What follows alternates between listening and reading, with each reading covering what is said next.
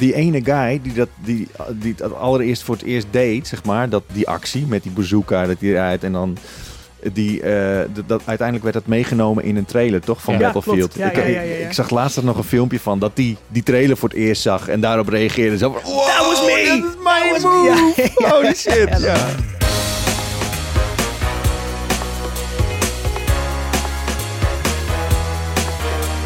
Ik hoor net in mijn oor dat we lopen, oftewel je kijkt slash luistert naar een verse Power Praten, grootste gaming en entertainment podcast van de Benelux. Hier vandaag met Cheert en Sam. Welkom, Hoi. heren. Dankjewel. Hey. Ja. Sam, we hebben je een tijdje niet gezien. Dat klopt. Hoe is het? Ja, goed. Ehm, heel veel gedaan de afgelopen jaren. Ja. Ehm, ik vind het leuk om hier ook weer te zijn. Dus een tijdje terug. Ja. Ja, volgens mij de laatste keer dat ik hier nog was voor een video was voor de Elden Ring Masterclass. Ja, nou, je kan, ja. je kan binnenkort weer los, want eh, er komt DLC'tje aan. Oh, begin me er niet over. Ik, ik, Nou, ik kan niet wachten. Ja. We gaan het er zo over, Ja, over leuk. Ja. En eh Cheert, ook, het is eh, mijn, mijn halve team, mijn hele team is weg. dus eh, Jij zijn allemaal afgehaakt. ja, Ja, Nee. nee, eh, gewoon te intimiderend natuurlijk als Sam, erbij ik. is. Ja. Ja, snap ik wel. ja, stoere Het is mannen. die geur voornamelijk ook. ja. Manly man. Ja, nu je het zegt. Hey, we beginnen altijd traditiegetrouw met een hoogtepuntje van de afgelopen twee weken. Voordat we losgaan over wat jij de afgelopen Mhm. jaren hebt gedaan. En wat Cheert, eh, ik wil ook alles van jou weten, Cheert. Ik zit, Ja. ik zit elke dag naast je, maar we spreken elkaar nooit. Nou, wel af en toe. Nu steeds meer. Ja. Eh, omdat we nu naast elkaar zitten. Net als een echt getrouwd stel. ja, weg. Ja, ik heb eigenlijk eh, best wel veel gedaan de laatste tijd. Ik heb eh, van het weekend gebold. En ik heb, wat echt heel erg tof was... eh, we hebben best wel veel Spaanse vrienden, omdat mijn vrouw Spaans is. En eh, wij, wij, wij, wij eten heel vaak Spaans met, ze- met hen, weet je. eh Terecht. cocido, wat dan ook. Het zijn Hm. hele typische Spaanse eh, gerechten. En ik zei van, jongens, wat wij moeten doen... We moeten een keer gaan stampot eten. Oh, Eh, en iets wat ze niet kennen. Eh dus hadden het hele huis vol ook met... niet willen kennen. Nou, Oh, maar vonden is het allemaal fantastisch. Het, het leuke was, wij hebben een tijdje geleden hadden we mensen over de vloer, ook uit Spanje, en die, die aten stampot. En die kunnen gewoon al anderhalf jaar nergens anders meer over hebben dan over die stampot. Goede die wonen, waarschijnlijk. die ook. wonen in Spanje ja. en die, die vinden het spannend. Nou, dus ik heb dus... eh, Ze weten niet hoe goed ze het hebben. Dat is. Ja, nee, ik heb gesleefd in de keuken en, eh, en we hebben een lekker stampot gegeten. En eh, natuurlijk ook eh, nog veel Baldur's Gate gespeeld. Ben je nog steeds game bezig? is zo goed, jongen. Ja, weet je, het is misschien qua gameplay. Ehm, eh, kijk, als je, ik, ik zat vandaag te, de- over jou na te denken. Ik denk van ja, ik ga het straks over Baldur's Gate hebben. Ik ben benieuwd wat jij ervan vindt, eh, Mhm. Samuel. Maar jij bent meer een type van hands-on. Je wil gewoon wat je doet direct eigenlijk zien, eh, vertaald in beeld. Ja. Ehm, ik zeg altijd, als ik op een knop druk, wil ik dat er vette shit gebeurt. Weet je, die directe vertaling is voor mij heel belangrijk. Maar tegelijkertijd, ehm, ik heb natuurlijk wel gewoon genoeg van Baldur's Gate 3 gezien en ook zelfs gespeeld. En ondanks dat het niet mijn type gameplay mechanics zijn en gameplay Ja. systeem, wat ik wel heel vet vind aan Baldur's Gate, is de gigantische keuzevrijheid Ja. die het je geeft qua hoe je een scenario benadert. Weet je, wil je het stealthy doen? Wil je volledig de aanval in? Wil je mensen gaan, eh, eh, gaan misleiden? Ehm, en die, die gameplayvrijheid, die keuzes die, die jij maakt en dat je dat vertaald ziet naar toffe acties op het scherm, dat heeft die game wel. En ik snap daarom dat mensen er zo ver- ver- Ja. ver- verslaafd aan zijn. Er zit gewoon vrijwel geen herhaling in ook, weet je. Je kan de ene, eh, de, de ene battle speel je tegen de soort van eh radcaps. Dat zijn een soort van boze dwergen. Waarom kijk je mij aan? wat? wat? En, en de andere keer dan, dan moet je tegen spoken vechten, weet je. En dan moet je weer net het geluk hebben dat er iemand in je party zit die een bepaalde spel heeft waardoor je ze kan zien, überhaupt, weet je. Anders word je helemaal afgemaakt. Maar goed, Cheert, jij hebt dus Baldur's Gate 3 weer, weer gespeeld. Ja, ik ben, blijf maar bezig met die game. Ja, maar En het ik is vind dus wel een beetje hetzelfde als ik elk weekend ga vertellen dat ik Apex ga spelen. Nou, niet helemaal, want Apex blijft gewoon altijd hetzelfde. Nee, nee, nee, nee. nee. Ho, ho, ho, ho. Ze hebben onlangs echt een brute update uitgerold, nieuw seizoen. Maar ook een heel nieuw systeem hoe je je shields kan verzamelen en dat soort dingen. Dat is wel echt een shock in de wereld van Apex Ja, Legends. cheert. Oké, Nieuwe hoe, shields. hoe ga je nu je Ja, shields je, je verzamelen kon dan? altijd shields kon je gewoon vinden, kon je halen uit crates. Ja, maar dat, nu- dat zijn van die blauwe, eh, Blauwe, campinggas eh, eh, dingetjes, toch? Je- Ja, je, er lag gewoon letterlijk een schild kon je oppakken en had je hem aan. Maar nu moet je die dus harvesten, moet je gaan verzamelen. Oh. Ja. Dus het is wel echt een heel nieuw systeem. De hele wereld van Apex ligt nu hele moet ze gaan dynamiek is harvesten. omgedraaid. Ja, nou maar echt waar. Ja. Het is heel anders geworden. Ja. there you go. Oh, Ja. Oké. Ja. Nou ja, goed. eh, Heb jij ja. wat geleerd? Be- maar ben je nog steeds, is dit nog steeds jouw enige game? Elke dag. Apex Legends. Maar elke dag ook? Elke dag. Ik doe elke dag een potje. En met grappig, ik was dus gisteravond weer aan het spelen. Ik, eh, die game is uit sinds 2019. 1 Ja. februari 2019. Ja. Ik speel het, nou, als ik kan, elke dag. Soms ben je wel eens weg, uit eten, op vakantie, dat soort dingen. Dan speel je het niet. Eh, maar mijn vrouw ziet me dus elke dag die game spelen in de hu- huiskamer. Ze vroeg gisteravond. Hoe Zo- heet deze game eigenlijk? Nee! Wat? Dus ik zo, Wat? Dus mijn- Mijn is zo even. Ik speel dit letterlijk de afgelopen vijf jaar elke dag. Je zit elke dag. Ik zit dan, zet ik, pak ik mijn stoeltje, die schuif ik die zo voor de televisie. En dan ga ik er zo een stukje van afzitten. Dat, dan speel je het beste natuurlijk met je neus op de Yep. 55 inch. Ja, En zij zit dan achter me op de bank. En zit ze een beetje op de laptopje, op de telefoontje. Na vijf jaar? Gewoon, hoe heet deze game ook alweer? En ze Apex? Oh ja. Oké, ja. Ze nee, heeft het en- eindelijk gevraagd. Nou, weet je, Respawn is gewoon echt een hele goede ontwikkelaar. Ik, ik ben ook wel heel erg blij dat ze die Mandalorian game gaan maken. Ik denk als er een ontwikkelaar is die zij dat dat. kan doen, Ja. weet je.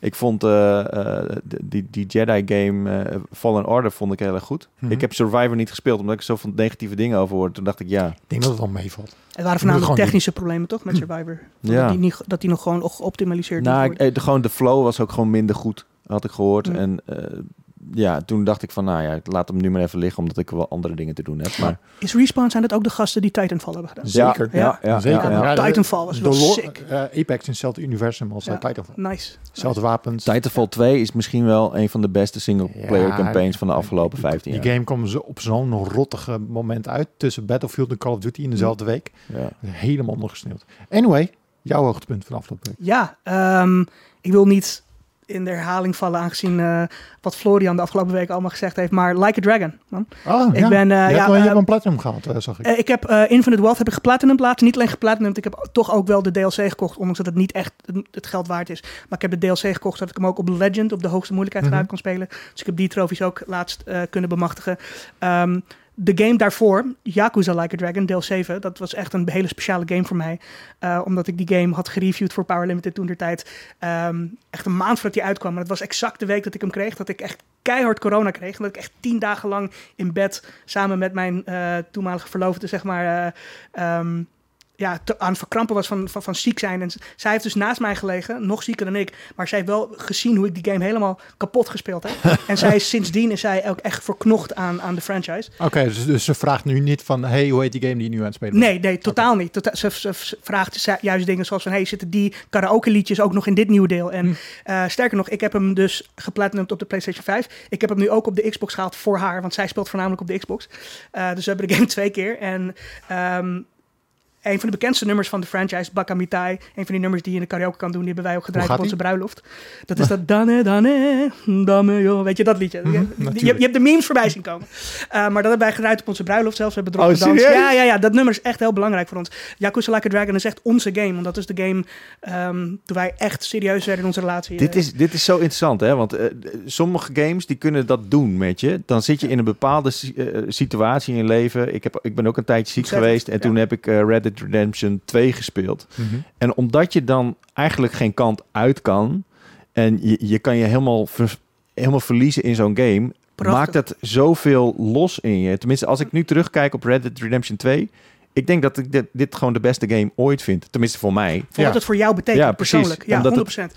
Een ander mooi voorbeeld, even snel tussendoor, is eh, eind 2006 kwam de Wii uit. Ja. Eh, en dat was echt een best wel een nare periode voor mij. Mijn moeder was net terug geëmigreerd naar Spanje. Ik had een beetje ruzie met mijn broertje. Ik sprak mijn vader ook niet echt. Het ging niet goed eh, op de universiteit. Mijn toenmalige vriendin had het uitgemaakt. Ik was echt helemaal alleen. Ja. Maar de Wii Iedere kwam keer uit. als je Wii Sports zie- ziet, Nee, dan moet je huilen. Maar ik, ik had net de Wii binnengekregen met Zelda Twilight Princess. En ik kan me nog herinneren dat Ja. ik eh, de dag voor kerst, eerste kerstdag, tweede kerstdag... alleen maar gespendeerd heb aan in mijn eentje in mijn kamer Twilight Princess uitspelen. Ja. Met alleen de deur open doen voor de pizza bezorgen. Ehm, en heel veel mensen zeggen van, oh, wat jammer man, dat je kerst helemaal alleen gespendeerd hebt. En ik had echt zoiets van, bro, dat was een van de mooiste dagen van het jaar voor mij. Echt, dat was echt Ja. een prachtig, mooi- dat vergeet ik nooit meer. ja, precies. Ehm, en, en dat is gewoon super tof. Maar ja, Like a Dragon dus. Ehm Yakuza Like a Dragon was echt super bijzonder voor ons. Dus we waren echt heel erg aan het uitkijken naar Infinite Wealth. Die game kwam uit. En ik heb een beetje kritiek op het verhaal. Maar qua, qua content en gameplay mechanics is Infinite Wealth echt, echt peak.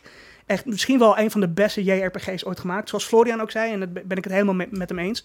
Ehm, nadat ik hem geplatinumd had, ben ik dus teruggegaan naar die tussengame. Die ben ik nu aan Ja. het platinumen. eh, eh, like a Dragon Gaiden, The Man Who Erased His Name. Ehm, ik had hem in eerste instantie een beetje laten liggen, omdat het, ja, het, de game is ontwikkeld in zes maanden. Ehm, oh, serieus? ja, ja, is de kortste Like a Dragon game. Je kan hem uitspelen in 20 uur. Eh, het speelt zich voornamelijk af in, in Osaka, een locatie die vaak herhaald is. Die we vaak gespeeld hebben in de franchise. Dus ik had zoiets van, ah... Maar, weet je, Kiryu is een belangrijk personage voor mij. Dus ik wil hem toch nog even spelen. Zeker naar wat hij meemaakt in Infinite Wealth. Even kijken wat hij ertussen doet. En man, ik ben zo onder de indruk over hoe deze korte game, deze si- side game, hoe, hoe goed hij ook eigenlijk is. Hoe strak hij is en hoeveel toffe content hij weet voor te schotelen. Ondanks de vele asset reuses en dat soort dingen. Wat vind je het leukst aan deze games? Want er zit zoveel in.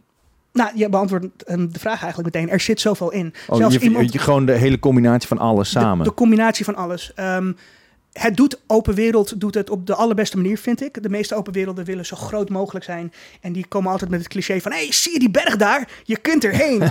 Skyrim. Ehm, ja, Like a Dragon doet het volledig eh, tegenovergestelde. Ja, het is open wereld, maar de locatie is expres heel klein. Het is niet eens een hele stad, maar echt alleen maar een buurtje. Zoals de rosse buurt van Tokio. Of eh, het grachtgedeelte van Osaka. ehm, of, of het winkelgedeelte in, in Honolulu. Ehm, maar omdat het zo klein is, kan het elke straathoek volstoppen met iets vets. Weet je, er zijn, nou, er zijn heel weinig gebouwen waar je niet in kan bijvoorbeeld. Je kan in heel veel gebouwen kan je dingen doen. En daardoor word je super intiem bekend met die locatie. Je weet op een gegeven moment de straatnamen uit je hoofd. Je weet de locaties uit je hoofd. Als een, eh, als een NPC zegt van, oh man shit, ik heb iets laten liggen bij die, bij die ene brug. Je weet meteen waar het is. En die, die, die intimiteit die je opbouwt met deze open wereldlocatie, waar ook overal echt iets te doen is. Weet je, van karaoke minigames tot een Animal Crossing rip-off, tot eh, gekke Pokémon battles. Ehm, dat, dat, dat spreekt heel Het is eigenlijk alleen de hubwereld van een RPG. Wat, wat van bijvoorbeeld Final, Ja, Final wel Fantasy. iets groter. Wel iets groter. Ehm, en ook wel iets complexer, want je hebt natuurlijk wel echt de infrastructuur van de stad zit er wel Ja, echt oké. in. Eh, maar het is vergeleken met de meeste open wereld games minuscuul. Maar ik krijg er een beetje dezel- hetzelfde gevoel van wat ik kreeg bij ehm eh, Metroidvania's, waar je ook door het backtracken heel Ja. bekend wordt met de locatie. Of een game als de allereerste Resident Evil. Weet je, omdat je Mhm. die, die mansion ken je op een gegeven moment uit je hoofd. Weet je, omdat je zo vaak weer terug moet naar de safe locatie. Of je weet, je, je weet van oké, ik heb daar ammo laten liggen. En ik vind ehm, intiem bekend worden met level design vind ik zoveel interessanter dan oh, ik heb elke uithoek van een gigantische kaart verkend, maar ondertussen halver, weet je wat ertussen zit, dat boeit niet echt. Ehm, Hm. En dat is het mooie aan Like a Dragon. Combineer dat ook nog eens met een van de tofste ja, gevechtssystemen in het genre. Zowel in de brawler games, eh, weet je, de Kiryu games, als de JRPG-kant van Ichiban. Het, het blijft turn-based combat, maar het is turn- turn-based combat die je wel engaged houdt. Ehm, want als jij aangevallen wordt, kan je nog steeds met goede knoppentiming kan je een beetje jezelf beter Het is verdedigen. een beetje com- combi tussen turn-based en timing, toch? Ja, het is turn-based meets real-time een beetje. Ja. En in Infinite Wealth al helemaal, want Kiryu, die nu ook een turn-based character is, die kwam eigenlijk uit real-time games. En er is zelfs een modus in de game, nadat je je herinneringen hebt unlocked en je je oude zelf weer gevonden hebt, dan zijn er zelfs momenten dat je gewoon het turn-based systeem, dat je dat kunt ontstijgen en dan kan je gewoon real-time even met een brawler. Oh, in ja, dat is super sick, man. Een soort van Dragon Ball Z moment Het eigenlijk. echte ja. Dragon Ball Z moment. En Ja. dat soort dingen maakt eh Yakuza Like a Dragon gewoon zo vet. hey, ja, ik speel een heel serieus ehm, crime drama vol met gangsters en moord en, en nare shit eh, en, en complottheorieën. Maar ondertussen zit ik ook gewoon dronken karaoke te spelen met mijn beste vrienden. Ehm, en dat is, dat is gewoon mooi. De, de vrijheid die het je geeft, de, de intimiteit die je opbouwt met zowel een locatie als met een hele ja, set characters. Het is prachtig. Dat zie je niet heel veel in gaming. Je weet het wel te verkopen. Je zou bijna marketing kunnen doen voor die game. Nou, eh, zou ik niet erg vinden. Zou ik echt niet Maar is dit, is dit trouwens iets voor iemand die nog nooit een Like a Dragon of een Yakuza game heeft gespeeld? Eh, Infinite Wealth, Ja? ehm, op zich wel. Ehm, mechanically en qua gameplay ja. Want de game bouwt, de intentie, het bouwt het heel goed op. Er zijn heel veel systemen, maar die worden langzaam geïntroduceerd. Dus je zult niet super snel overweldigd worden door hoe het speelt. Eh, qua verhaal denk ik wel dat ehm, heel veel van de impact van het verhaal volledig langs je zal vliegen. Omdat je, omdat je niet het nalatenschap van Kazuma Kiryu kent. Ja. Ehm, je- het volgt ook direct het vorige avontuur van Ichiban. ehm, dat wat veel persoonlijker is. Daarom het verhaal van de vorige game is wel echt veel beter. Ik raad mensen aan die Infinite Wealth willen spelen... om te beginnen met Yakuza Like a Dragon. Want dat was echt een nieuw beginpunt met een nieuwe hoofdpersoon, dus eh, Ichiban Kasuga. Ehm, en hij heeft ook zoiets van, wacht, ik ben opeens omringd door allerlei Yakuza-legendes. Ik weet ook niet wie dat zijn. Nee. Dus voor de speler die dat ook niet weet, is het niet zo erg. Het wordt je gaandeweg een beetje verteld. Maar Infinite Wealth verwacht wel dat je in ieder geval die game gespeeld hebt. Qua verhaal en qua personages. Persoonlijk vind ik ook, in de algemeenheid vind ik Yakuza Like a Dragon net iets beter. Het is een wat coherenter ehm, pakket. Om een voorbeeld te geven. Een van de dingen die ik zo vet vind aan Yakuza Like a Dragon... is hoe het de JRPG-clichés vertaalt naar de echte wereld. Om een voorbeeld te geven, in heel veel JRPG's kun je een nieuwe klasse krijgen... of een nieuwe job, zodat je, weet je, je uitrusting en je aanvallen veranderen. Dat kan in Yakuza Like a Dragon ook, maar hoe doe je dat daar? Door naar het uitzendbureau te gaan. Je gaat naar het uitzendbureau en je zegt: Ja, oh, ik, wil, eh, ik wil monteur worden. Of ik wil eh, presentator worden in, een- in, in een nachtclub. En dan word je dat dankzij het uitzendbureau. En daardoor krijg je nieuwe gear en kan je nieuwe aanvallen leren. Want je hebt een nieuwe baan. Je hebt een echte nieuwe baan. In Infinite Wealth is dat een beetje anders. Zij, daar hebben ze iets meer geleund op het gekke aspect van de franchise. Je gaat dan naar een reisbureau en dan plan je een, een dagtrip in. En door die dagtrip krijg je opeens een openbaring van... wauw, ik wil vechten met een surfboard. Leuk, maar het, het heeft niet die, die real-life soort van synergie. ja, ja, ook een beetje, Ja. beetje de hoek. Ja. Ja, ja, exact. Ehm, maar ja, Yakuza Like a Dragon, volgens mij kan je hem ondertussen echt overal wel vinden voor twee tientjes of zo. Speel die game, het is echt de tofste JRPG in tijden. En Infinite Wealth is gewoon een geweldig eh, vervolg, eh, voornamelijk ook qua content. Sick. Dus ik, ja, ik ben weer helemaal, helemaal hooked aan de franchise, zowel Infinite Wealth als Gaiden. En eh, dat was by far nog steeds ook mijn hoogtepunt van de afgelopen tijd. Sick. Nou, eh, die ma- voor mij nog even in de mix gooien. Ehm, Mhm. wij, eh, wij zitten hier vast op de redactie. We zitten nog met vier man vast op de redactie. Cheert, eh, Jacco, eh, we hebben eh, Cody en ik dan. En we, we, we doen best wel veel. Als je kijkt wat we allemaal doen. Nou, bijvoorbeeld deze podcast. Voor We- vier man, ja. We, we vullen de website, we doen heel veel op social media. En we vergeten af en toe wel eens een beetje lol te maken met elkaar. Omdat gewoon iedereen aan het rennen is, dingen tegelijk aan het doen. Er gebeurt dat weer, er moet dit weer opgenomen worden. Eh, dus we hebben eh, nu, ehm, dachten we, Avatar, die serie komt eraan. Laten we eens gewoon ouderwets lol met elkaar gaan trappen. En hebben we afgelopen woensdag hebben we dat gedaan. We zijn een dag zijn we op locatie geweest. Eh, want eh, Cody en Jacco zijn allebei gigantische fans van, eh, van, van Avatar. En nu hadden we één goodie pakket en dus daar mochten ze om strijden. Dus, je kan, als het goed is, nu die aflevering zien op YouTube. Maar die opnames, die waren, ik heb in tijden niet zo hard meer gelachen. We Je zegt op locatie, waar was het? ja, we waren in Zaandam, ehm, in, zo'n oude lege loods. En we hadden, gingen zeg maar strijden tegen de elementen. Je hebt vuur, aarde, water en lucht. En, eh, maar we hadden echt de, de brandweer laten langskomen om 2000 liter water over ze heen te slingeren. Ze moesten geblinddoekt potten bakken met zo'n uh, hondenschokhalsband om. En eh dat was zo... Ja, voor mij- Geblinddoekt pottenbakken met een schokhalsband om. Yes. Wow, oké, you got me there. Je hebt, je hebt hem verkocht aan me. Eh, dat, is- dat is een challenge. Eh, maar dat, dat was gewoon lachen. En ik was, ik ben blij dat we dat weer hebben gedaan. Voor mij was het sowieso een hoogtepunt. Het eindresultaat. eh, ik ben er zelf heel erg blij mee. Maar het was gewoon weer... Het was lachen. Het was zo goed om eh, met elkaar weer even eh, onderweg te zijn. Dus eh, gaan we meer doen. Het is leuk. Leuk, ik Ja, ga hem checken als ik, vet. eh, als ik straks weer terug naar huis ga. Jammer dat ik er niet bij kon zijn. Cheers. Jammer. Ik hoor de pijn in je stem. Ja. Ja, ja, we- het was eigenlijk het idee dat, eh, dat wij als oudjes eh, die jonkies gingen uitlachen met z'n tweeën. Want je Ja. kon er helaas niet bij zijn. Dus ik was in mijn eentje aan het lachen. Maar nog steeds heel hard gelachen. Leuk. Maar Sam, eh, we hebben jou een tijdje hier niet meer gezien. Voor het laatste was dat met Elden Ring. Klopt, ja, Elden. Ring. Ja. Ehm, je, je schrijft niet meer voor het magazine. Klopt. Maar dat betekent niet dat je niet meer betrokken bent bij Power Limited. Want tada, daar ben je. Maar dankjewel. eh, eh, jij bent ondertussen, eh, heb je ook gewerkt aan een heel ander groot project. En daarvoor eh, Ja. willen we het gewoon even uitgebreid met je hebben. Want ik vind het reet interessant. Twee weken geleden was jouw baas, moet ik hem jouw baas noemen? Ondertussen niet echt meer. Maar hij heeft zeker wel de afgelopen twee, tweeënhalf jaar is hij wel een soort van een beetje mijn baas geweest. Ja. Ik heb met hem aan heel veel projecten gewerkt. Ja. Eh, eh, mensen kennen hem als Squabblecop. Die Ja. was hier bij onze andere... eh, Jordi van den Bussen. Jordi van, Jordi van den Bussen. Die was hier bij, bij de jongens van uh, Bonus Level om te vertellen over Hellskate. En jij hebt ook een aardige vinger in de pap in Hellskate. Zeker. Ehm, ik heb heel erg... Nou, laat ik Voor de, voor de mensen thuis. Sa- Sam heeft gewerkt aan een, aan een game. En die is nu in early access. Die kan, Ja. zou je nu kunnen spelen op PC. Juist. Het is een, het is een mix tussen skateboarding en... eh, Het is echt Tony Hawk. Dit, dit heeft gewoon echt iemand ge- meegewerkt die ook de- Ja. aan de Tony Eh, Hawk... de eh, lead designer van Hellskate, Steve Swink, was een van de developers, ehm, belangrijkste developers voor Tony Hawk Underground. Ja. Toch wel nog steeds gezien als een van de beste Tony Hawk games ooit. Eh, en in Tony Hawk Underground heb je van die RPG-elementen ook, Ja. weet je. Je kan je karakter een beetje uitbouwen. En dat heeft hem aan het denken doen zetten van... Hey, vet dat we je, dat je personage al echt kunt ontwikkelen als in een RPG, maar weet je, de, de mechanics van een normale sk- skate game kan je niet echt ontstijgen hiermee. Mhm. Hoe vet zou het zijn als je een game zou hebben waarin dat wel kan? En zo kwam je op het idee voor Hellskate. Ehm Hellskate werd on- ontwikkeld in hetzelfde pand waar ik met Jordi gewerkt heb aan heel veel andere dingen. Ja. Van eh, AI-tools tot, tot YouTube-kanalen, tot noem maar op. Ik heb echt heel veel dingen met hem ontwikkeld. Ehm, en omdat ik ja, heel veel in aanraking kwam met de jongens van Phantom Coast, want dat is de naam van de ontwikkelingsstudio. Ja.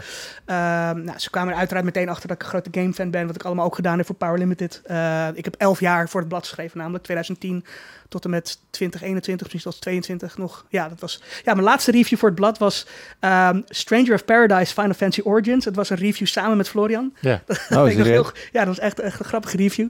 Ehm, en toen ehm, zeiden ze van, hey Sam, wil je ons ook niet een beetje helpen met de game? Ik heb, eh, misschien, ik heb zelfs een beetje geholpen met de voice acting. Eh, ik heb ook wat ideeën een beetje verteld, ehm, ge- ideeën gegeven voor de gameplay. Een beetje quality assurance en, en, en testing gedaan. Maar heel snel kwamen ze er ook achter van, hey, die jongen die we hier hebben voor de marketing, die, dat werkt niet helemaal Mhm. hij ging weg en toen was er een soort van vacuüm ehm, van hey, we moeten iets doen met de marketing. Het zei ze, Sam, wil je ons helpen daarmee? En ik zei, sure, ik heb wel eens marketing dingen gedaan, nog niet echt. Ik heb niet de lead genomen over een marketingproject voor een game als deze, maar ik wil het best proberen. Ehm, en ze waren heel snel blij met me, met wat ik deed op de socials, maar ook voornamelijk met wat ik voor ogen had voor eh, de trailers. Want we merkten heel snel van, ja, jullie weten allebei zelf hoe belangrijk videocontent is in een wereld als deze, Ja. online videocontent. En we waren echt ehm, heilig van overtuigd dat als we de game onder de aandacht wilden brengen bij, bij heel veel gamers, dat je dan ehm, gewoon echt een, een klein online content dingetje moet hebben wat de aandacht grijpt, zeg maar. En toen heb ik, eh, ik heb in totaal twee trailers bedacht, geschreven en geregisseerd voor de game. Eh, de, de tweede en de derde trailer, dus de gameplay overview trailer en de release date trailer. Ehm, en die, ja, die werden zo goed ontvangen dat de, game, de gameplay overview trailer werd gedebuteerd tijdens het Future, Ga- de Future Ja, we Game zagen Show. hem langskomen, ja. was echt, het, weet je, het is heel gek om Troy Baker, zo'n grote naam als hem, om hem te zeggen van, hé hey, jongens, er, is een, er komt een nieuwe game uit, Hellskate. Wij vinden het al geweldig, jullie moeten dit zien. Wauw, oké. Ehm, en de, de derde trailer, die, die wilde IGN exclusief, eh, of nou niet exclusief, maar als eerste willen zij hem posten. Mhm. Ehm, en eh, ja, eh, de game is, Hellskate is deels gefinancierd door een grote financier, eh Kowloon Knights heette ze. Zij financieren heel veel Oké. goede indie games, maar dat moederbedrijf was ook super blij met zeker de laatste trailer. En die hebben hem ook echt, de, de, de CEO van het bedrijf heeft blijkbaar gezegd van, yo, dit is een soort voorbeeld van hoe indies op een, met een heel klein budget een trailer kunnen maken. Dus dat was echt een hele nice, eh, hele mooie veer in mijn reet. Eh, maar ja, dat eigenlijk. Ik heb geholpen met de marketing van de game.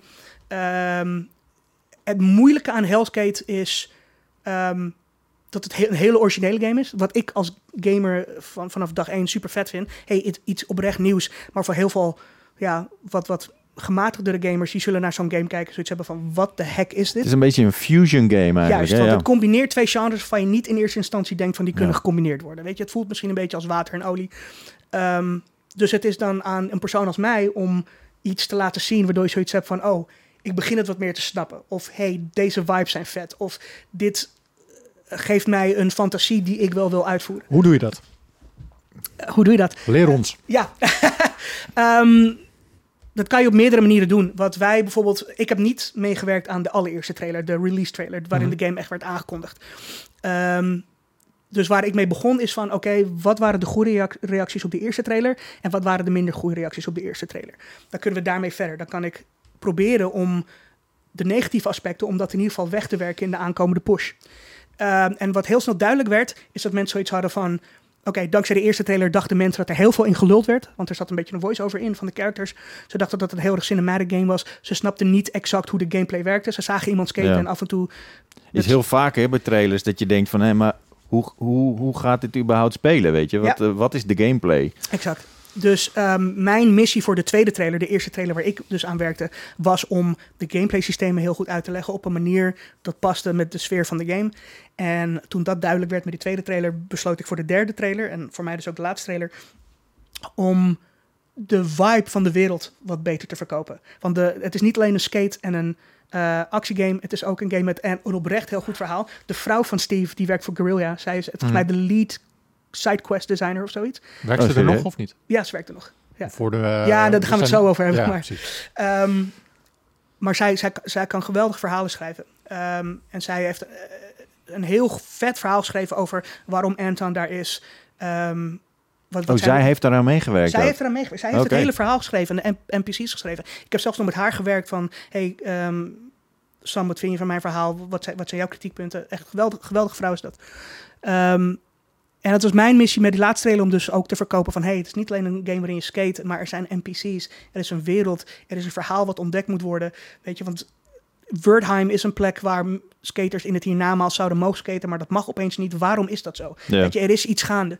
En dat wilde ik een beetje eh, prikkelen. Bovendien, wat mensen ook heel vaak vet vinden aan skate games... is natuurlijk de soundtrack, weet je, die Ja. vette punk en metal. Dus ik wilde dat ook terug laten komen. Er is een band nu die heel erg aan het groeien is... genaamd de Psychedelic Porn Crumpets. Eh, en een, een Australische band die super vet is... Eh, Psychedelische rock met funk en een beetje metal. Eh, ze spelen in maart in Paradiso. Ik ga er ook heen. Ik heb er super veel zin in. Maar ik heb hun benaderd van... Yo, jullie hebben een paar nummers die vind ik echt te gek. Zou ik jullie als je, als je, als je, als je, alsjeblieft... een van jullie nummers in de trailers mogen gebruiken? En we wel een beetje voor moeten betalen. Maar zeiden ja, sure, hier voor een kleinere fee mogen jullie dat doen. Ehm, ik heb zelf thuis lopen knutselen met de muziek van... hey, weet je, dan pakken we ongeveer 90 seconden eruit. Dit is welke 90 seconden die ik wil. Ehm, en volgens zijn zijn we die trailer gaan maken. En eh, ik- we zijn er super trots op. Of Ehm, vet, ja. vet proces moet het zijn. Ja. Het is Ja, het een super vet proces. Er is ook een proces waarbij ik af en toe om 9 uur 's ochtends begon en dan om 3 uur 's avonds 's eh, ging ik pas naar bed. Eh, zeker in de laatste paar weken, weet je, dat je dan de laatste puntjes op de i aan het zetten bent met de editor. Eh, want hoe, lang ben je, hoe lang ben je bezig met zo'n zo'n trailer? Want veel mensen hebben geen idee, denk ik. Ehm, ik ben per trailer ongeveer zo'n twee maanden wel echt goed bezig geweest met de trailer. Eh, vanaf het moment van, oké, we gaan een trailer maken. Dit is een beetje het... Eerst leg ik wat concepten op tafel, want ik wil dat het hele team dat natuurlijk vet vindt. Voornamelijk Steve, want het is echt Het moet ook kindje. gecaptured worden en zo. Het en moet dan gecaptured worden, precies, maar ook gewoon, hey, dit is mijn concept. Ehm, bijvoorbeeld Steve heeft hele goede input geleverd. Hij zei in het begin van, Sam, jouw ideeën zijn vet, maar heel veel van jouw ideeën zijn iets te hot topic. Weet je, je moet wel onthouden dat eh, het hiernamaals in deze game is niet een judeo-christelijke hel van, hè, Satan. En dat, weet je, dat is het niet echt. Het is een hele unieke unieke soort van hiernamaals, wat echt om het skaten draait en minder om die soort van early 2000 skate cultuur. Mhm. Eh, wat, dat is hele goede input en ik ben daarmee verder gegaan. En ehm, ja, en zo maak je met het hele team. Ik zeg wel, ik heb de game geregisseerd, geschreven. En het is ook wel zo, maar het was uiteindelijk uiteraard een team effort. De trailer. Eh, de, de trailers, Ja. ja. de trailers ook. Eh, heel veel input van gehad van Steve en de rest van het team. Ehm, maar ja, het, het was een van de tofste creatieve projecten waar ik de afgelopen jaren aan gewerkt werd. Ik heb er heel veel van mezelf in kunnen stoppen, maar ehm, eh, ja, het is gewoon heel fijn om te horen van mensen van, oh ja, ik, ik krijg zin om deze game te Mhm. spelen hierdoor. Ik snap wat beter wat deze game is. Hmm. Eh, de muziek is super kicken. Ehm, weet je, al die, al die eh, comment. Een van, de, een van de tofste dingen die ik heb gelezen. eh, er was één YouTube comment die zei zo van... Wow, wat een verrassend artistieke trailer. En toen ik echt zoiets van... Oh, yes. Ja, dat, dat wil ik horen. Die, die sfeer wil ik in mijn reet. Want ik wilde zeker met die laatste trailer wel wat, wat artistiekers doen. En niet zozeer van... Hey, dit is de gameplay. Dit is wat je doet. Eh, vet man, ga spelen. Weet je, ik wilde echt... Ik wilde wel een, een soort... Klein, klein 90 seconden filmpje maken of zo, waarvan ik echt zoiets had van ja, dat is leuk. Goed, maar een trailer maken, Ja. eh, dat zou iedereen kunnen doen. Maar het belangrijkste is, mensen moeten die trailer gaan kijken. Ja. Hoe doe je dat? Ehm, nou ja, heel veel van dat werk is wat makkelijker gemaakt door mij vanwege het feit dat Hellskate eh, al vanaf dag één heel goed werd ontvangen. Mhm. Ehm, we hebben zelfs in de Edge gestaan. Nou, jullie weten, Edge is nog steeds een beetje het videogame Zeker. tijdschrift ter wereld. Dus we hebben het beetje mooiste tijdschrift die Op- er is, denk ik. Daarom, daarom. Dat Dus eh, als je aandacht krijgt van dat soort platformen, dan eh, zorgt dat wel voor, voor momentum en voor een soort van cascade effect, waarbij heel veel andere platformen zoiets hebben van, hey, weet je, wij willen ook over jullie schrijven of we willen jullie shit ook Ja. featuren. Ehm, zoals ik al zei, dus toen, toen ik met de derde trailer bezig ging zijn, toen hadden we eigenlijk al ehm, gehoord van IGN van dat ze dat dat ze een preview wilden schrijven over Ja. onze game en dat ze dan die trailer zouden, wilden, eh, zou- zouden willen releasen voor ons. Dat was gewoon mega. Dus er was al heel veel werk voor mij gedaan op dat vlak. Verder is er ook, ehm, hebben we heel erg samengewerkt met een ander bedrijf genaamd Pap Agenda. Hebben jullie misschien wel eens van gehoord? Mhm. Zij helpen eh, eh, games ook met marketing, voornamelijk overseas. Dus er was een Nederlands bedrijf, Media Nanny, die heeft een beetje met ons gewerkt om... ehm, Zij is van, eh, van eh, die DJ, toch? Media Nanny. Of is dat zij niet? dat, dat weet ik niet. Volgens mij wel. Volgens mij doet ze ook maar Dat- dat- kan. Maar- Maar Media Nanny heeft ons een beetje geholpen met de, de binnenlandse eh, marketing. Als het goed Ja. is, zij, waren zij ook op een gegeven moment degene die jullie benaderden. Van hey, Hellskate komt uit. Dus zij hebben een beetje binnenlands shit gedaan. Pop Agenda heeft ons geholpen met overseas stuff. Dus ook met een beetje het bemiddelen tussen, tussen IGN en zo. Ehm, maar ja, zodoende. En, en nu zie je uit in Early Access. Ja. Wat, wat, zeg maar, wat zijn de plannen met de game? Is dat... eh, Er zijn grootste plannen met de game. De early access versie die je koopt. Oké, la- laat ik het zo zeggen. Zoals ik al zei, Hellskate gaat een heel best wel groot verhaal hebben voor een indie game. Het wordt een best wel ambitieus project. En de uiteindelijke game, de 1.0, die dan uiteindelijk moet uitkomen over een jaar of anderhalf jaar, die gaat drie grote werelden bevatten. De early access is de eerste van die drie werelden. Ehm, dus de Hellskate is de, de afterlife voor skaters. Mhm. De eerste locatie is Wordheim, de stad. Ehm, en het is de bedoeling in de 1.0 dat er drie Waarom is Hellskate trouwens met 1L? Ehm, meerdere redenen. Eentje was een copyright ding, de andere was. ehm, het, het is een beetje een woordgrap. Mhm. eh, een beetje met Hellscape eh, en Ah. dat soort dingen. Maar het, het, zijn meerdere redenen. Heel veel mensen inderdaad schrijven nog steeds met dubbele L. Ja. Ja, eh, maar ja, ik, ik vind, eigenlijk- persoonlijk vind ik Hellscape met 1L ook wel esthetischer wel. ja, goed, ik, vind dat hem is ook dat- wel, ik vind hem ook wel eh, dat, is, dat, ja. dat is heel persoonlijk. Eh, maar ja, goed, de 1.0 wordt, wordt heel groot. Eh, drie werelden, eh, veel, meer, veel meer soorten wapens en decks.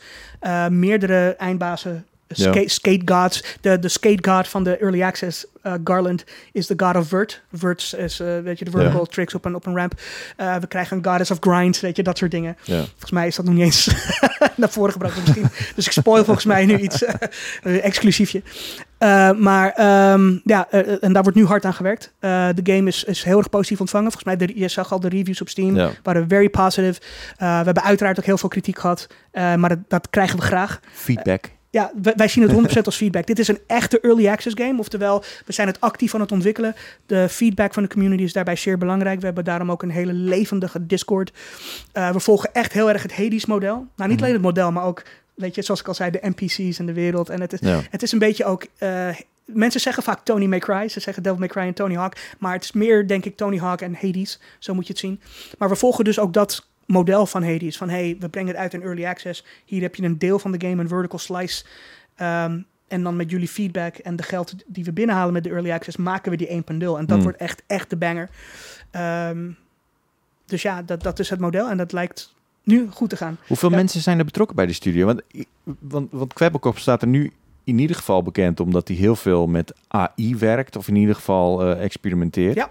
Eh, i- is er AI ook een, een rol, heeft hij ook een rol gespeeld tijdens de ontwikkeling van deze game? In geen enkel opzicht. De enige AI die erin zit, is de AI die je in elke game hebt, namelijk de artificial intelligence van de vijanden. Ja, oké. Eh, als jij het hebt over AI, denk ik dat jij bedoelt generative AI. Dus ik Ja. prompt iets en er, hij creëert Ja. shit voor mij. Dat zit in geen enkele vorm in Hellskate. Hellskate is echt vier jaar aan bloed, zweet en tranen van echte mensen.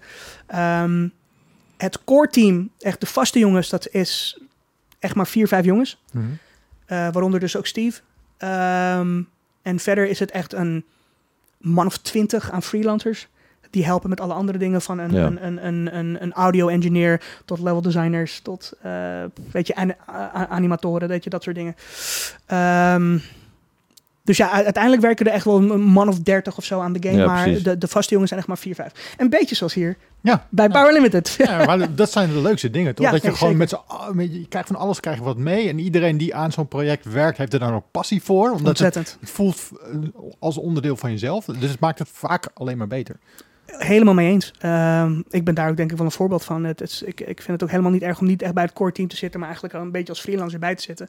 Maar dan zit je, dan weet je, dan zit je op die slaak en dan zie je al die mensen met Ja. elkaar praten en Ja. dingen delen. En hey jongens, kunnen jullie kijken naar wat ik nu gemaakt heb? Wat vinden jullie ervan? Je Ehm, krijgt er toch juist energie van. Oh, ontzettend. Het is zo'n passieproject. Het is echt een passieproject.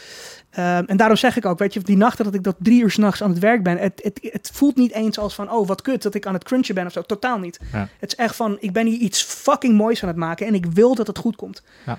Dus, ehm, Ja, mensen gaan het ook zien, die gaan erop reageren. Dus dan wil je ook, omdat Oh, je, je naam staat eronder. Zeker. Dus, eh, ja, exact. ja. Ik wil, ik wil er trots op Maar kunnen zijn. eh, wha- what's next voor jou?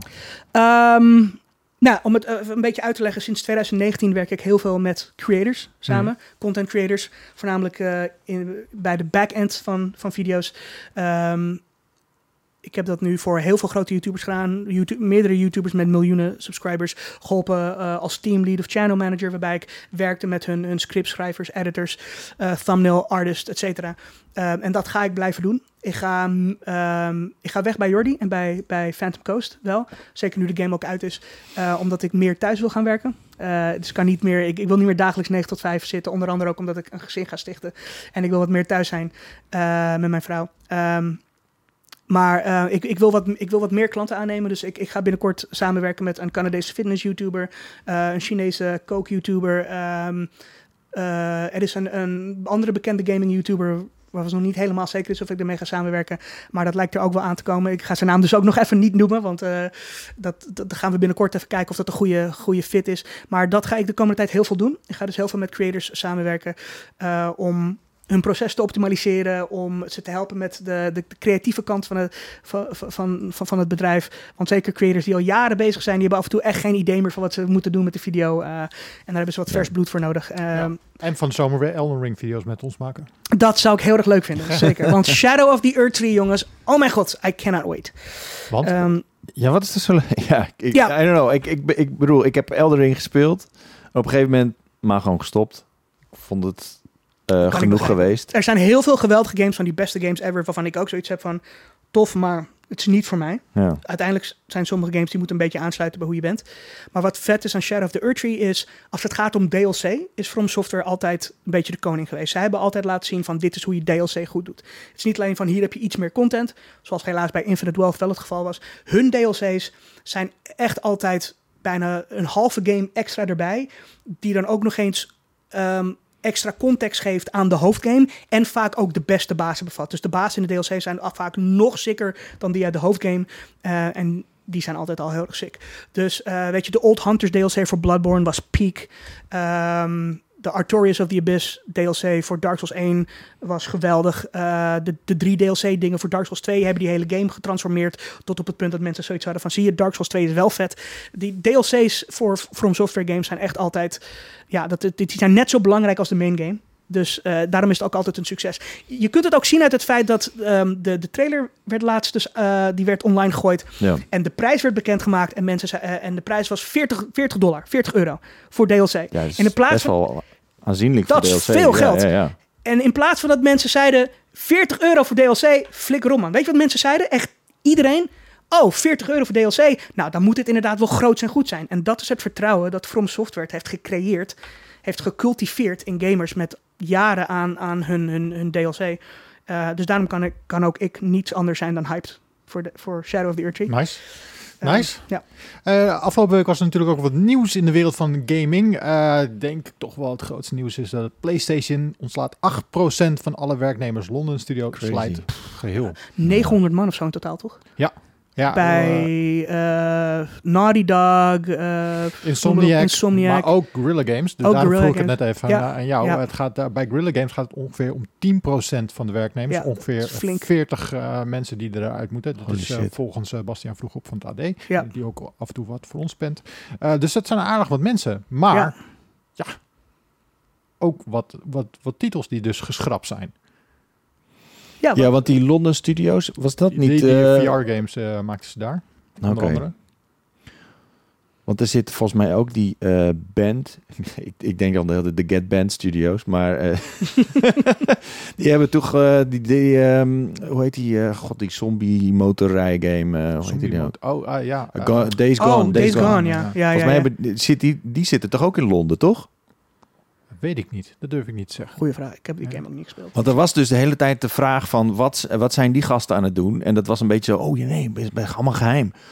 En nu, surprise, jullie worden allemaal ontslagen. Ja. Fuck. Ergens is het niet een hele grote verrassing, toch jongens? Want ik bedoel, laten Ja, we wel eerlijk zijn. Niet alleen gebeurt het overal, maar het gebeurt ook voornamelijk bij de studio's die ofwel plannen hadden voor live service rotzooi, of die letterlijk vijf jaar lang of zeven jaar lang aan een game bezig waren aan ontwikkeling en daar honderden miljoenen dollars in hebben gestopt. Dat is toch niet ook een model dat je wil laten blijven groeien? Dat is toch ook iets Ja, want hoeveel service games kan je tegelijk spelen? Ja, dat nee. is een beetje. Dat ook, maar he- heeft een game echt honderden miljoenen euro's nodig om echt goed te zijn? Ik, ik, zie, ik zie vaak de kwaliteit verbeteren. Maar waarschijnlijk gaan we de komende jaren wel echt een trend zien van gewoon wat kleinere games, kleinere Godzijdank. opgezette games, die niet jarenlang meer duren om te ontwikkelen. Als je gewoon kijkt naar Suicide Squad, hoe lang ze daaraan hebben gewerkt, volgens mij meer dan acht jaar. Is dat een game waarvan je zoiets hebt van... ja, dit is zo tof, ik kan zien dat hier acht jaar aan gewerkt is? Nee. Nee, nou ja, Nee. goed. Ik denk dat ze gewoon, en, en dat geldt wel voor meer games de laatste tijd. Het, het is zo vaak aan het roer getrokken.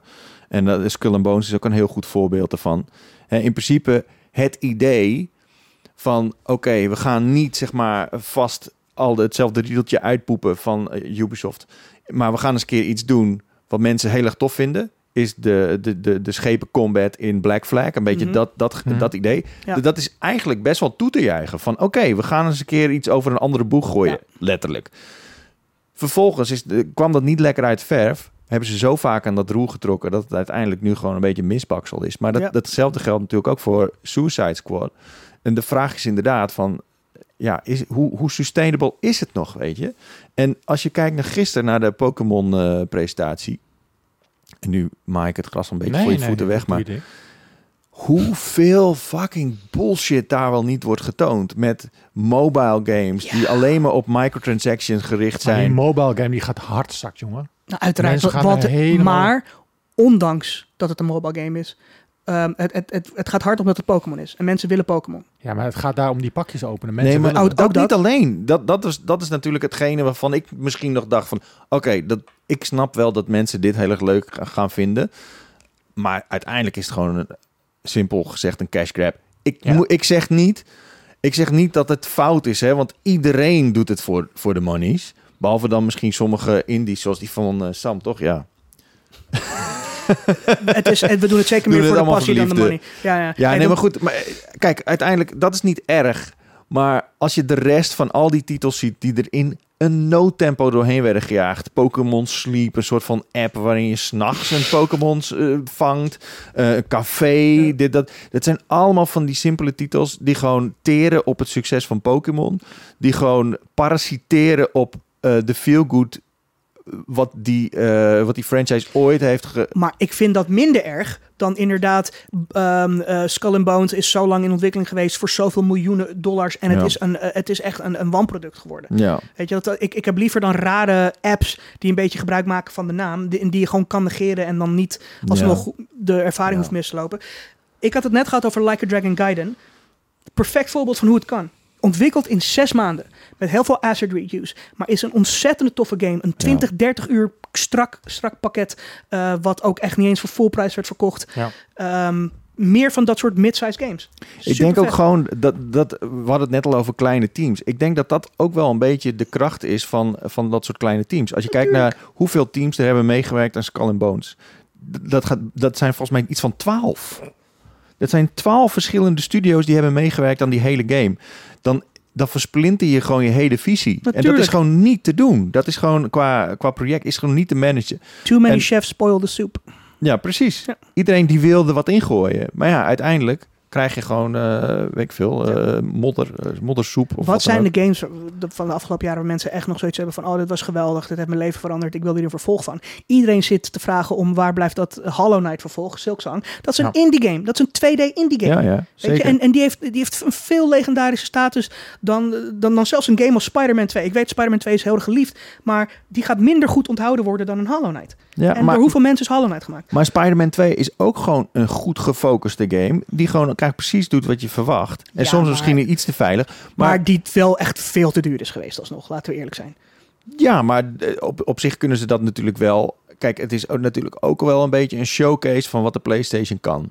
Klopt. En ik denk dat dat ook wel belangrijk is. 100%, maar Play- PlayStation is zich bijna voornamelijk alleen maar gaan focussen op dat soort games. Weet je, die willen, die willen dat elke game zo'n game is. En, en dat, dat, kan, dat hoeft niet, dat kan niet. Dat, Nou ja, goed, kijk, ik- denk dat Helldivers ook een goed voorbeeld is van waar we het net over hebben. Ja. Is, is relatief een veel kleiner team. Ja. En het is een enorm succes. Omdat geweldig. het, gewoon, En terecht. omdat het gewoon focust op een core gameplay. En daar gewoon niet te ver van, Juist. van afwijkt. En niet te veel eromheen doet.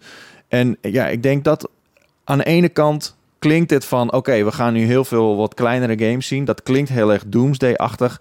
Hoeft het natuurlijk absoluut niet te zijn. geweldig. Wat jij- van kleinere games. Ja, het, dat, het kan natuurlijk heel vet zijn. Maar ik, vind, ik zou het wel jammer vinden als we echt gewoon die, die games die echt die boundaries pushen op het gebied van graphics, op het gebied van, van Uiteraard, nieuwe. maar dat moet, daar moet je ook naar kunnen die, die, die moet je ook kunnen afwachten. Je moet ook echt zoiets hebben van, oh, die, dat, er komen er twee of drie per jaar vanuit max.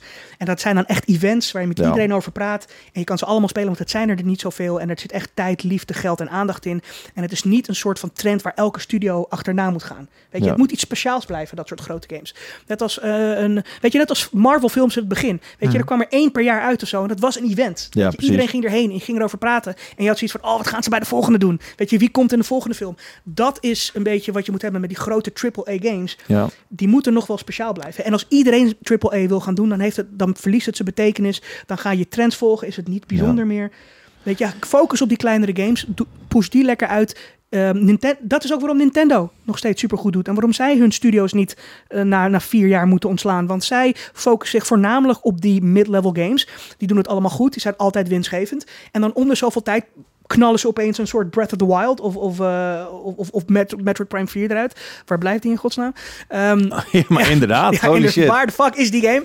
Eh, maar Nintendo doet dat heel goed en gestaag. En die, kennen de business heel goed. En die nemen kansen wanneer ze kansen kunnen nemen. Eh, en het is veilig, dat is gezond. Bij Nintendo heb ik ook het gevoel dat ze eh, de, de nadruk leggen op de, de- het, het zwaartepunt ligt in principe bij het maken van leuke games. Ja. Ik denk dat het gevaar ligt bij dit soort hele grote. eh, en, en dat is misschien ook wel een beetje het gevaar van Microsoft, die, eh, die al die studios opkoopt. Op een gegeven moment ga je dus een soort van Microsoft Studios brede strategie krijgen die die studios dwingt in een bepaalde, bepaalde richting te gaan. Ik- Je moet juist die kracht van die, eh, van die game directors houden, zeg maar. Van die weten van, oké, Natuurlijk. dit wil ik maken. Dit is waar mijn passie ligt. En op het moment dat dat niet gebeurt, dan krijg je dus die Suicide Squad bullshit. Exact. Dan krijg je Want je hebt die studio's al en die moeten dan iets gaan Ja. maken. Maar, eh, Maar Rocksteady maakte fantastische games. fantastische games. Eh, ik vind het ook hilarisch om te zien dat blijkbaar er nu meer mensen Arkham Knight spelen dan Suicide Squad.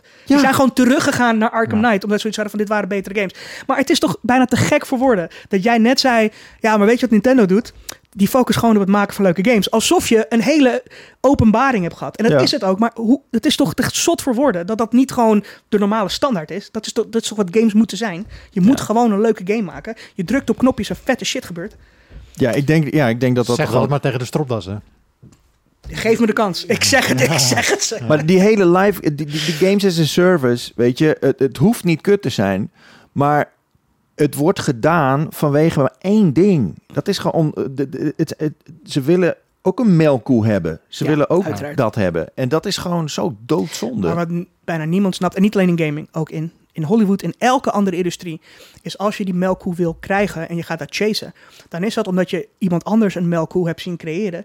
Eh, en je snapt dan niet dat die Nee. melkkoe-status van, die, van de tegenstander, dat dat een bijproduct is geweest. Dat is altijd out of nowhere gekomen. Altijd. Want ze, hebben, ze, ze waren gefocust op iets nieuws, iets stofs, iets vets voor de consumers. Consumers hebben dat massaal omarmd. En dat is vervolgens toevallig als byproduct een melkkoe geworden. Je kan nooit vanaf moment één besluiten, we gaan nu een melkkoe maken. Nee, Want dat, dat, dat, je begint dan bij het einde. Dat kan niet. nee, zeker niet. Eh, Fortnite is een supergoed voorbeeld Ja. ervan eigenlijk. Dat was gewoon een hele andere game mode. En Dat ze, was een Minecraft rip-off, toch?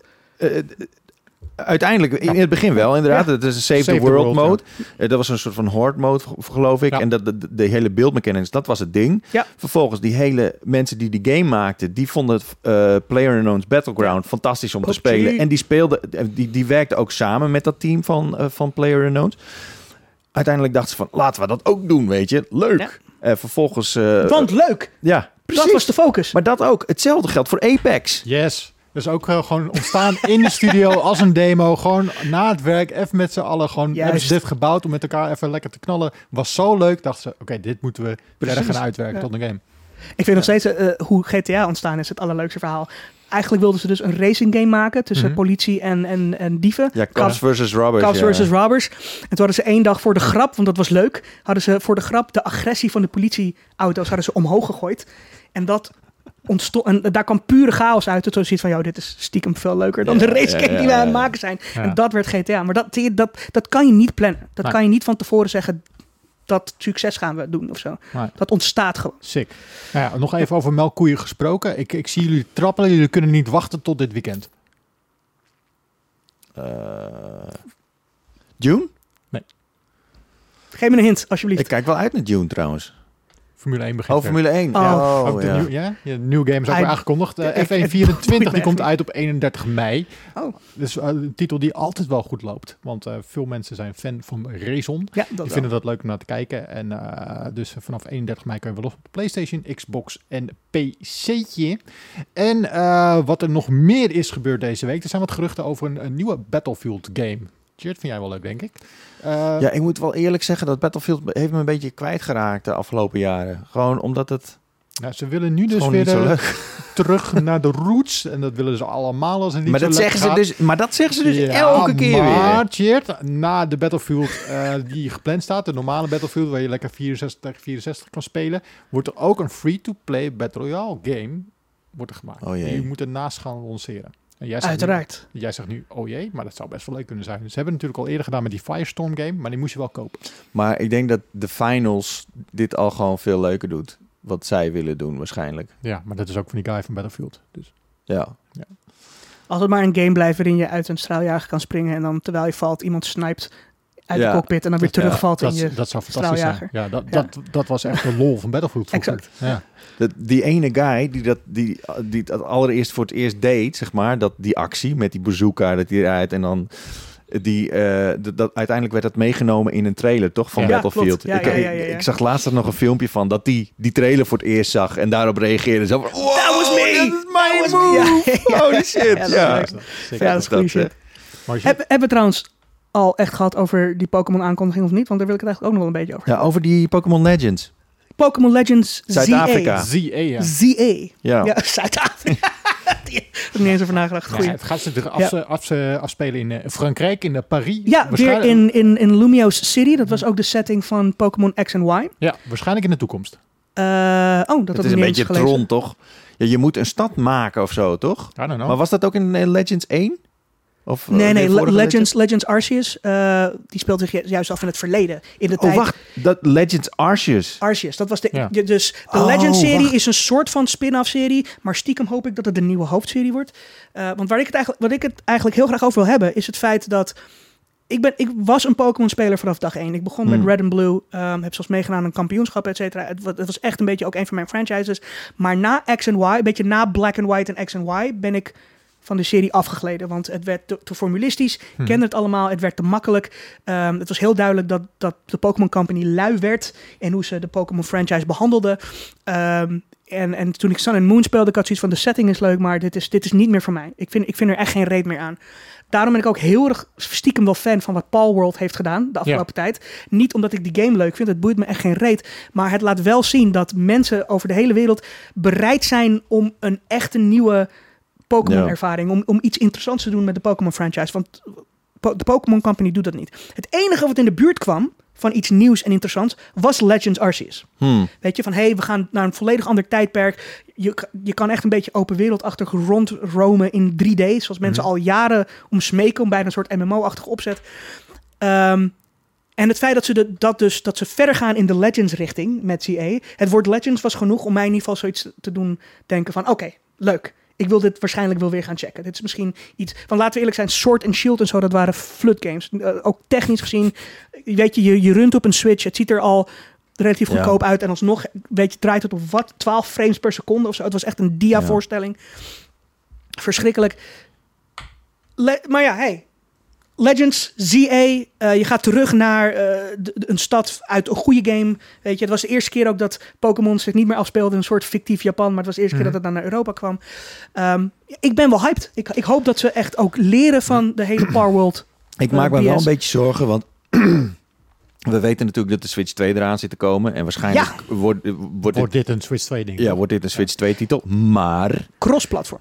Ja, inderdaad, ik, ik, Ja. Besef, ik besefte me gisteren toen ik het zag, toen dacht ik, ja, ze gaan natuurlijk die Switch eh, playerbase gaan ze niet in de kou laten staan. Nee. Dus dit wordt gewoon een game voor beide. En dan vraag Staat ik me af, ook aan het einde zoiets van compatible with Switch systems. ja precies, ja iets met Nintendo voor Nintendo Switch, maar ja, dat kan natuurlijk het, de, Nee, maar de- het wordt dan waarschijnlijk de nieuwe Ze Switch. hebben nog nooit die, die, die wording gebruikt. Ze hebben nooit die, die woorden op die manier gebruikt van compatible with Switch systems. En natuurlijk, ze, ze verwoorden het zo, zodat ze nog kunnen zeggen... ja, ja, we bedoelen daarmee ook de, de, de, de Ja. Switch Lite en zo. Ja, ja, Weet je, en de Switch ja, ja. OLED. Ja, maar ja. laten we eerlijk zijn, het is gewoon hele Nou, sneaky gaat, die, manier. eh, gaat niet de Switch 2 heten, de New Switch of zo. eh, Dat zou wel kunnen, maar... Switchy. Ik hoop dat ze de naming convention gebruiken van vroeger. Dat ze gewoon weer Super Switch gaan doen of Switch. Oh, dat zou wel vet zijn. Dat zou ja. heel vet zijn. Maar uiteindelijk, weet je... Dat vind ik jammer, want eh, je gaat straks naar een stad. Ja. Arceus was natuurlijk niet voor niks in een soort van lege eh, plattelandsomgeving. De- omdat die, de Switch kon gewoon niet veel meer aan. Exact. Ehm, hoe gaat het nu? Weet je, je gaat naar een stad. Ja. Eh, ik, ik, ik hou mijn hart vast. Lege stad. Weet je, op- optimaliseer maar. ze, Weet je? nou, maar ze zijn al niet de beste in optimaliseren. Nee, maar, ja, maar misschien dat Nintendo... Je, je, weet, je weet maar nooit, misschien heeft Nintendo dus ook zoiets van... Oké, jongens, we gaan jullie helpen, want dit, dit gaat natuurlijk nergens heen. Uh, plus, het moet een beetje een paradepaardtitel worden voor, voor de Switch 2. Dus het- dit kan niet een, een, een game worden die eh, vanwege parody eh, gewoon echt verschrikkelijk presteert. Je, je weet het maar nooit. Ik, ik wil heel graag hoop hebben. Ehm, Wat ik ook tof vind, is dat ze expliciet in de trailer zeiden van... hey, hier in Lumio City, weet je, man, eh, mens en Pokémon die leven naast elkaar. Een beetje zoals je ook al zag in de Detective Pikachu film. Mhm. Dat is ook iets wat nog niet in de games heel erg verkend is. Nee. Ehm, hoe, hoe ziet een samenleving eruit waarin Pokémon ook gewoon... Weet je, door de stad lopen en werken en helpen met het werk van, van de mens. Ja. Dus ik hoop echt dat ze daar echt iets tofs mee doen. Eh, ja, de Pokémon Company kennende moet ik niet, waarschijnlijk niet te veel gaan verwachten. Maar ik hoop het wel. Ik hoop echt dat ze door Paul World zoiets hebben gehad van... Shit man, we kunnen niet meer doen. We kunnen niet meer wegkomen met wat we hebben gedaan. Ik denk het niet, maar... Wanneer gaat, eh, zou de Pokémon Company ooit eens een keer zeggen van... Weet je wat? Laten we eens gewoon een keer naar de Playstation gaan. Dus het- Kan niet. Nee. Want ze zijn, ze, eh, een derde van hen bestaat uit Nintendo. Ze zijn voor Ja. een derde, zijn ze echt, eh, ja, Nintendo heeft gewoon een derde bezit. Dus dat, Maar- dat gaan ze nooit toelaten. Maar ze hebben ja, wel, is toch eh, ook gewoon business, weet je? maar Game Freak, dat andere derde zeg maar, die heeft wel voor andere systemen wel eens games gemaakt. Maar dat waren dan geen Pokémon games. Nee, precies. Zo, er was een rhythm action game, eh, kan ik me nog herinneren. Maar, maar eh, dat is... Je Ja. ziet hoe, hoeveel die spelers op Xbox en Playstation... die zuurstof van Pokémon nodig hebben. Of course. En, en, daar valt ontzettend veel in te halen. Dus zou je, nou ja, ik zie, ik zie het wel voor me. Dan, heb, dan zit je in ieder geval ook niet vast Nintendo die- zit nog wel in de hardware. Ik weet dat Xbox er natuurlijk al vanaf aan het gaan Ja. is. Maar, maar Nintendo zit nog wel in de hardware. Dus zij gaan, zij gaan niet om even makkelijk winst te krijgen door multiplatform te gaan, gaan ze niet, eh, gaan, gaan ze Pokémon niet eh, wegdoen, zeg maar. Ja, maar het is toch niet makkelijk winst, weet je. Het is ook wel uitbreiden van je, van je fanbase, van, van de mensen die die eh, apps op de telefoon gaan downloaden. Het is, Dat kan wel en dat doen ze wel al. Ja, Apps op je telefoon, weet je. Op die manier gaan ze wel al multiplatform. ja. Maar echt op de competitor gaan, nee man, dat is... eh, Ik zie het ook niet Ja. gebeuren. Ja. Ik zie het niet gebeuren. hey, eh, we zijn aangekomen bij de, eh, bij de tippies. Heb je nog een mooi tippie voor de, voor de mensen thuis of in de auto of op de fiets? Nou, ik, eh, als je Disney Plus hebt, dan eh, raad ik je aan om Shogun te gaan, eh, Daar hoor ik goede dingen over. gaan die kijken. is hier al uit. Hij is sinds gisteren uit, geloof Oeh, ik. dankjewel. En ehm, ik- d- dit is eigenlijk een beetje een tweedehands tippie, want eh, ik heb hem nog niet gezien, maar ik had er veel over gehoord van Wouter. Samurai Game of Thrones, toch? Eh, ja, inderdaad. En ehm, ik kijk er ontzettend naar uit.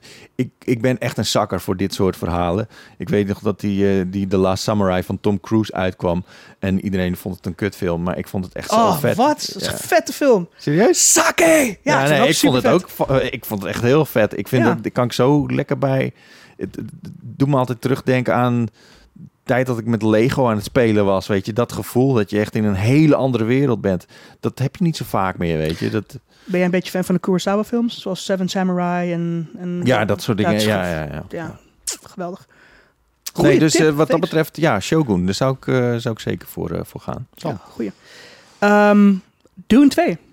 Ah, die Ja. wil ik ook zien, man. Ik, heb hem, ik was uitgenodigd voor de première. Ehm, hele goede film. Ik vind hem ook beter dan één. Eén was nog heel duidelijk van we moeten de wereld nog een beetje neerzetten. We moeten context verschaffen. Ja, maar er nam er wel de tijd voor en dat vond ik wel fijn, En hoor. dat was heel fijn, voornamelijk ook omdat de film zo prachtig geschoten was. Ja. En de muziek was goed. En de, de, de, de, de worldbuilding was heel erg nice gedaan. De, de performances waren sick. Dus ja, ik, ik heb geen kritiek op, op Dune 1 wat dat betreft. Maar ik had wel in de tweede helft zoiets van... Oké, nu ne- nemen jullie wel heel erg de tijd. En ik snap het wel. En hij is nu deel van, van de Sand People, zeg maar. Weet je, van, die, eh, van, de, van de Fremen. Ehm, maar in twee vertrouwen ze er heel erg op dat je dus één gezien hebt en dat je dit snapt. Ja, En ze gaan los. Ehm, nice. dus de, de, de, de ascension van, van Paul als zijnde de nieuwe Messias wordt echt goed, goed uitgewerkt. Ehm, vroeger zei men altijd, Dune is onverfilmbaar. En Mhm. ik snap wel een beetje ook waarom. Want zeker ook de boeken die zijn best wel psychedelisch ook. Je kan echt merken dat die boeken in de jaren 60 zijn geschreven. Waarschijnlijk ook niet nuchter. en, een, en een groot plotpoint is natuurlijk, weet je, de melange, de spice. Waar, Ja. je, Ja. waar je door kan travelen en waar je helemaal van gaat trippen. En waar je de toekomst mee kan zien. is een heel belangrijk onderdeel van, van, de, van de serie. Het enige kritiek wat ik echt heb op zowel één, maar nu ook op twee. En waarvan ik ook zoiets heb van, dat gaan ze dus ook niet alsnog veranderen. Dat is gewoon nu hoe deze franchise is. Is eh, de een van de redenen waarom deze filming zo goed werkt, is omdat ze zich focussen op het plot en, het, en de personages. Op het verhaal en op het ontwikkeling van het verhaal. De psychedelica is weg, wel echt. Zelfs in twee zitten Maar het ook- zat in één, zat, zat het er nog wel soort van, maar het was een beetje En- zo dat iemand, eh, hij was een beetje concussed of groggy of zo. ja, was hij, hij- ja, ja. Het, het, het, het beeld trilt een beetje. Je ziet hem. "Ugh", en het wordt geïmpliceerd dat hij tript. Maar Mhm. De, weet je, de, de, de, de beleving daarvan wordt niet. In 1984 bracht David Lynch zijn versie uit van, van, van Dune. De, de David Lynch-verfilming ben ik best wel groot fan van. En niet alleen omdat Sting daarin zit, helemaal opgeolied en dat soort dingen. Het is een hele bizarre film. Wat, maar- wat speelt hij, die, eh, die baas, die, die Nee? Sting Eh, speelt de, de dude die nu in dit tweede deel de nieuwe bad guy is. zeg maar. Ah, ik ben even. Rauta of zoiets heet. Ik ben even de naam een beetje vergeten. Rauwdauw noemen we hem. Rauda. Hond komt. Rauta. Maar Steve- David Lynch's verfilming was niet te volgen, maar was wel trippy. Ja, En ik mis de trippiness ja oké. in, in, in de nieuwe... Hij is wat in- meer gehollywood. hij, hij, heeft de Hollywood hij treatment hij, is goed, hij is goed gestroomlijnd en daarom werkt hij ook zo goed. Het is niet echt een kritiekpunt, want de film werkt goed en het is te volgen. En het heeft ook een beetje, een beetje de Game of Thrones feels, omdat het, je, weet je, het, het, het impliceert een groot politiek drama tussen meerdere houses en Ja. planeten. Ja. Eh, had ik ook wel graag iets meer van willen zien. Maar, maar ze hebben het zo goed kunnen stroomlijnen en zo goed laten werken, omdat ze die gekkigheid eruit hebben gehaald. Vind ik ergens een beetje jammer. Ik had Mhm. graag echt die psyche- psychedelische, filosofische rotzooi had ik er ook graag in gehad. Maar voor de rest, Dune 2 aanrader. Nou, mijn tip is compleet iets anders wat we jullie hebben. Eh, voor, deze is denk, ik- denk ik voor mensen van, van, van mijn leeftijd, jaren 40, misschien, eh, misschien iets ouder, die jonge kids hebben. En die bereiken nu de leeftijd eh, dat ze aan de smartphone gaan. En, Oh, God. eh, ehm, ik kwam er dus laatst achter. Ik had een gesprek met eh, deze mensen waar ik naartoe ga. Eh, wat denk je wat de gemiddelde leeftijd is dat, me- dat kids nu aan een smartphone gaan? Nou, ik weet wel dat het te vroeg is altijd. Maar Een Mm. jaartje of eh, acht, Gemiddeld. acht, tien, acht of tien, zoiets. ja, ik, ik zeg 9. Dat is 8,5. En er zijn zelfs kinderen vanaf 5,5 jaar die nu al met een smartphone rondlopen. Ja, vind dat is wel- dat- dat Dat is zo verneukeratief voor iemand. Dopamine gewoon en Eh, aandacht. Ik vind daar dingen van. Uh, maar Ja. anyway, eh, die leeftijd is zich nu dus aan het oriënteren op een eerste smartphone. Uh, maar die moet je denk ik ook wel meegeven heen. Uh, wat, wat kan je met zo'n smartphone? Maar wat Ja. doet het met jou? En daarom uh, zijn onze vrienden die doen een festival binnenkort. Uh, even kijken, moet ik het wel goed zeggen? Beeld en geluid. Ja. Um, Nice. Uh, 22, 23 maart, volgens mij uit mijn hoofd. Um, 23, 24 maart is dat. Het is een weekend. Uh, zou jij dus met je, met, je, met je kiddo naartoe kunnen gaan? Tussen de 8 en 12 jaar. En dan kan je dus je oriënteren op de eerste smartphone.